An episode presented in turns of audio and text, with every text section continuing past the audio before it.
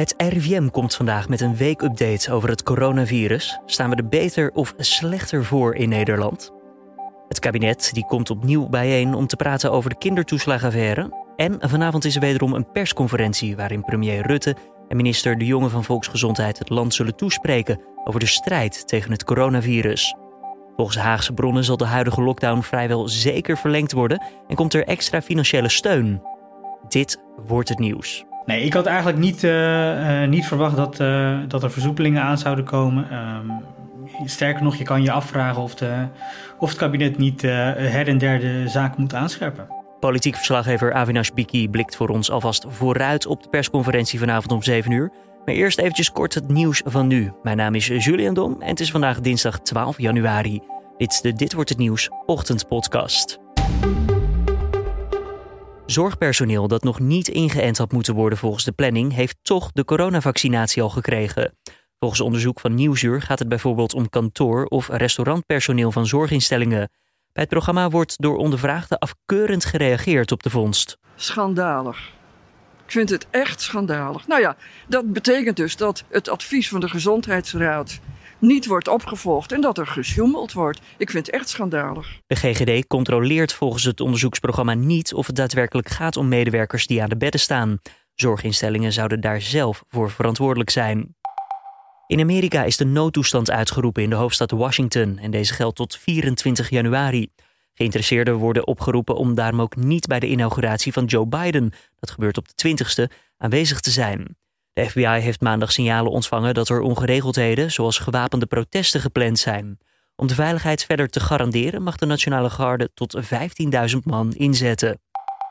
Het kabinet moet de Nederlandse bevolking perspectief geven hoe uit de lockdown te komen. Dat zeggen burgemeesters van het Veiligheidsberaad maandagavond. De groep staat volledig achter de verlenging van de lockdown, maar ziet wel dat perspectief belangrijk is om draagvlak voor de maatregelen te behouden. Gemeenten luiden de noodklok vanwege het hoge aantal asielzoekers dat zij moeten huisvesten. Daarover schrijft de Telegraaf. De druk op schaarse woningen is zelfs zo groot dat gescheiden ouders soms worden doorverwezen naar de daklozenopvang. Dit jaar moeten naar verwachting zo'n 27.000 statushouders worden ondergebracht. En daarvoor zijn bijna 16.000 extra woningen nodig, al dus de krant. Geven we straks na de coronacrisis allemaal weer massaal geld uit als daarvoor? Daarover werd gisteren in op gesproken. Ondernemers hopen op goede tijden zodat er een inhaalslag gemaakt kan worden. Maar econoom Nora Neutenboom vertelt aan tafel dat we voorzichtig moeten zijn met de verwachtingen. Want ook uit de gedragseconomie blijkt dat best wel mensen het lastig vinden om in te teren op hun spaargeld. En als ze dat dan al doen, dan doen ze dat vaak aan, aan grote uitgaven. Dus bijvoorbeeld een huis of een auto. Het is daarmee dus nog maar de vraag hoe we na de crisis met ons geld omgaan. In de VS is een lamatijn, dat is een soort zeekoe, opgedoken met het woord Trump op zijn rug geschreven. Het dier lijkt niet ernstig gewond te zijn, al dus natuurbeschermers. Het woord is niet met verf geschreven of in zijn rug gekrast. Nee, het lijkt volgens het eerste onderzoek alsof er een soort algen gebruikt zijn om de letters zichtbaar te krijgen. Mocht de dader uiteindelijk gepakt worden, dan staat hem of haar een boete van maximaal 50.000 dollar en mogelijk één jaar zelfstraf te wachten. Dan ons nieuws van deze ochtend. De horeca is dicht, winkels zijn alleen online te bezoeken en kinderen zitten thuis omdat de scholen gesloten moeten blijven. Ja, we zitten al een tijdje in deze werkelijkheid genaamd de lockdown. Vandaag zullen de minister-president en de minister van Volksgezondheid in een persconferentie terugblikken op de afgelopen periode en wat ons nog te wachten staat, oftewel ook nog een vooruitblik. Volgens Haagse bronnen wordt vrijwel zeker de lockdown verlengd. En ter compensatie daarvan zou voor bepaalde sectoren het steunpakket wel worden uitgebreid. Hield politiek verslaggever van nu.nl Avinash Biki al rekening met dit scenario? Nou, dat vroeg collega Carné van der Brink hem. Nou, ik denk dat iedereen hier wel mee rekening zou houden, toch? Ik denk dat als jij uh, had verwacht dat de lockdown niet verlengd uh, zou worden, had je echt onder een steen geleefd. Het gaat niet goed. Het gaat nog steeds niet goed. Uh, de besmettingen blijven nog steeds op een te hoog niveau. hetzelfde geldt voor de ziekenhuisopnames en de opnames op de IC. Um, en daar komt natuurlijk bij kijken dat er, een, ja, dat er grote zorgen zijn over een nieuwe variant, de Britse mutatie. En Nee, ik had eigenlijk niet, niet verwacht dat, dat er versoepelingen aan zouden komen. Um, sterker nog, je kan je afvragen of, de, of het kabinet niet uh, her en der de zaak moet aanscherpen. Het kabinet had natuurlijk met deze lockdown gehoopt dat de, de cijfers, de besmettingscijfers, echt aan het kelderen waren op dit moment. Uh, nou, dat, dat lijkt niet het geval te zijn. Waarom denk je dat het niet lukt om echt drastisch die cijfers naar beneden te krijgen? Ja, dat, dat is een vraag die, uh, ja, waar het kabinet denk ik ook wel mee zit. Um, uh, enerzijds heeft het ermee te maken natuurlijk dat uh, de bereidheid om je aan de regels te houden, uh, dat dat afgenomen is ten opzichte van, van maart vorig jaar, um, hè, toen, we, toen we net het virus leerden kennen. Toen was ook een beetje angst en misschien her en der wat verslapping. maar waar het nou precies door komt dat we enerzijds wel een, een lichte daling hebben gezien, maar nu al best wel een tijdje op een bepaald plateau zitten. Uh, ja, dat is nog niet helemaal duidelijk. En misschien dat de Britse variant uh, nog invloed heeft op die cijfers. Hè? Wat betekent het nou dat de feestdagen nu inmiddels al dik achter de rug zitten? zien we dat nog terug in de cijfers? Moeten we dat verrekenen met, met de maatregelen die al getroffen zijn?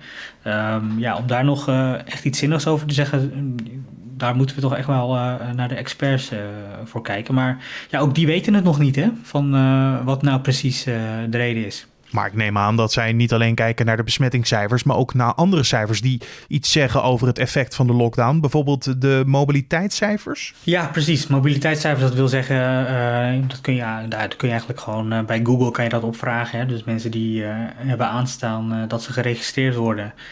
Uh, daarvan kun je, nou, dan kun je van zien uh, hoe druk het op de weg is, hoe druk het in het OV is. Kan je aan de hand van de OV-chipkaart OV inlog, incheck gegevens, kan je dat daar aflezen. Um, nou ja, een van, de, een van de dingen die je wel ziet is dat het thuiswerken, dat dat nog best wel moeilijk is.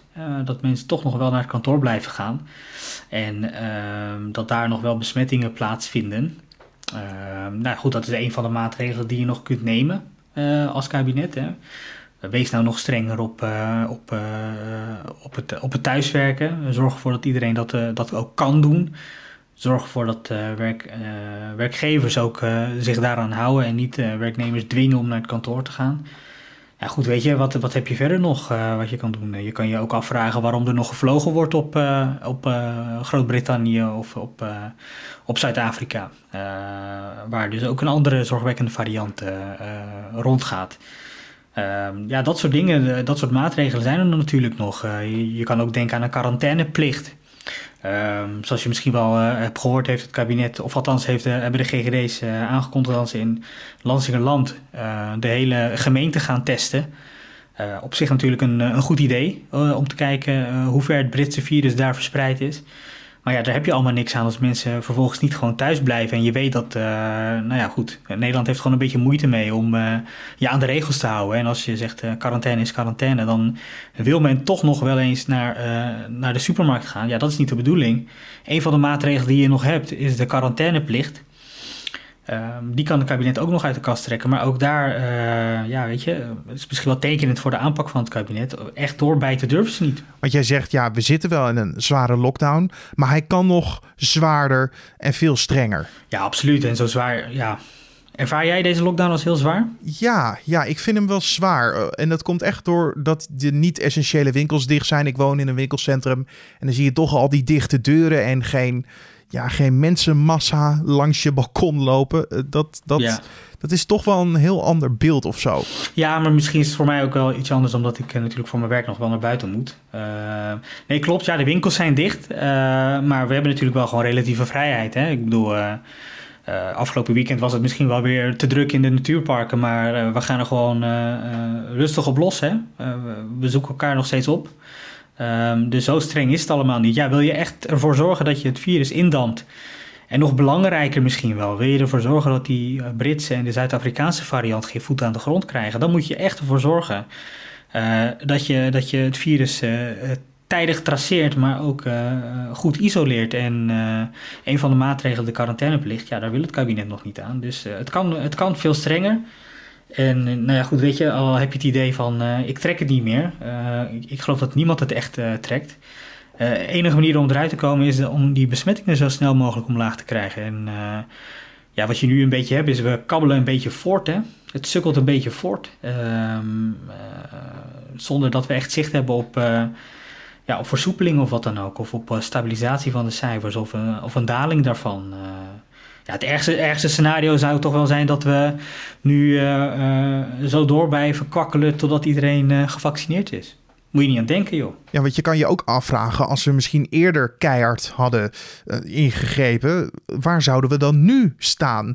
Is dat een eh, zinvolle discussie volgens jou om, om terug te kijken? Nou ja, in die zin is het natuurlijk wel zinvol om. Uh, het is altijd zinvol om terug te kijken. Ehm, het kabinet heeft altijd gezegd dat zij. althans, je, je, kan, je, je, je, hebt misschien wel kunnen merken dat ze in de, de maanden in de aanloop naar de aankondiging van de tweede lockdown een beetje twijfelachtig opereerde. Ja, vanuit de Tweede Kamer is daar ook wel kritiek op geweest. Hè? Um, kwakkelkabinet werd het ook wel genoemd. Uh, er werd te veel geluisterd naar uh, wat nou precies de economische belangen zijn. Nou ja, weet je, uh, toen is besloten, in het belang van de economie houden we zoveel, zo lang mogelijk open. Er werd niet ingegrepen op Black Friday. Uh, noem het maar op. Uh, en uh, nou ja, goed, nu het puntje bij paaltje komt, zie je dat alles toch wel weer dicht moet en de schade voor de economie nog steeds enorm is. Dus ja, je kan je wel afvragen of daar, of, of, of daar voor de tweede keer weer de slechte beslissingen zijn genomen. Feit is, we zitten nu weer in een, in een tweede lockdown die opnieuw verlengd wordt. Um, waarvan we nog niet precies weten welke maatregelen goed werken en welke maatregelen niet. Um, en dus wordt het een, een hele ja, gaat toch wel een ongewisse tijd tegemoet. Ja, ja, en het kabinet heeft natuurlijk ook te maken met veel mensen die ja, kritiek hebben of die het beter weten. En uh, ook uh, ondernemers die dreigen hun deuren weer te openen als er niks verandert. Uh, blijft dat de grootste uitdaging dan van de overheid? Om iedereen ja, achter zich te houden en de neuzen dezelfde kant op? Dat is wel echt iets van het verleden hoor. Dat, dat we ons druk maken om de horeca-ondernemer. natuurlijk maakt iedereen zich daar druk om. Maar laten we niet vergeten dat niet naast de horeca de gehele samenleving natuurlijk uh, in, in een pandemie zit. Ja, de belangrijkste zorg voor, voor het kabinet op dit moment is ervoor te zorgen dat die ziekenhuizen niet overstromen. Um, dat we niet in een, uh, in een scenario terechtkomen uh, van code zwart. Hè? Dus dat uh, artsen moeten bepalen wie voor zorg in aanmerking komt en wie niet. dat is echt de belangrijkste vraag die nu op tafel ligt. Um, of, uh, of, of er perspectief is voor uh, de detailhandel of perspectief is voor de horeca. Dat staat nu echt, of het echt even op het tweede plan. Um, misschien hebben ze wel veel te lang uh, nagedacht over het perspectief voor die, voor die sectoren. Waardoor we nu ja, in deze situatie zitten waarbij ja, artsen toch dat, dat draaiboek hebben moeten, moeten maken. Hè? Dus dat code zwart waarvan het kabinet gisteren heeft gezegd... dat nemen we over, het draaiboek nemen we over... Uh, want misschien kun je nog wel herinneren dat het kabinet uh, aanvankelijk uh, niet bereid was om, um, om, om, om, onderscheid te maken op basis van leeftijd. iets waar de deskundigen wel om gevraagd hadden. Daar is het kabinet nu op teruggekomen. ook vanuit druk vanuit hè, de specialisten, maar ook de Tweede Kamer. Die zeiden luisteren nou naar de, naar de deskundigen. Dat is de, dat is de grootste zorg die ze hebben. Ervoor zorgen dat iedereen de zorg kan krijgen die het nodig heeft.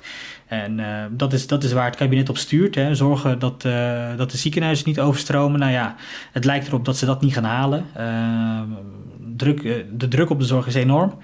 Ehm, dat moeten ze zien te stabiliseren, omlaag zien te krijgen.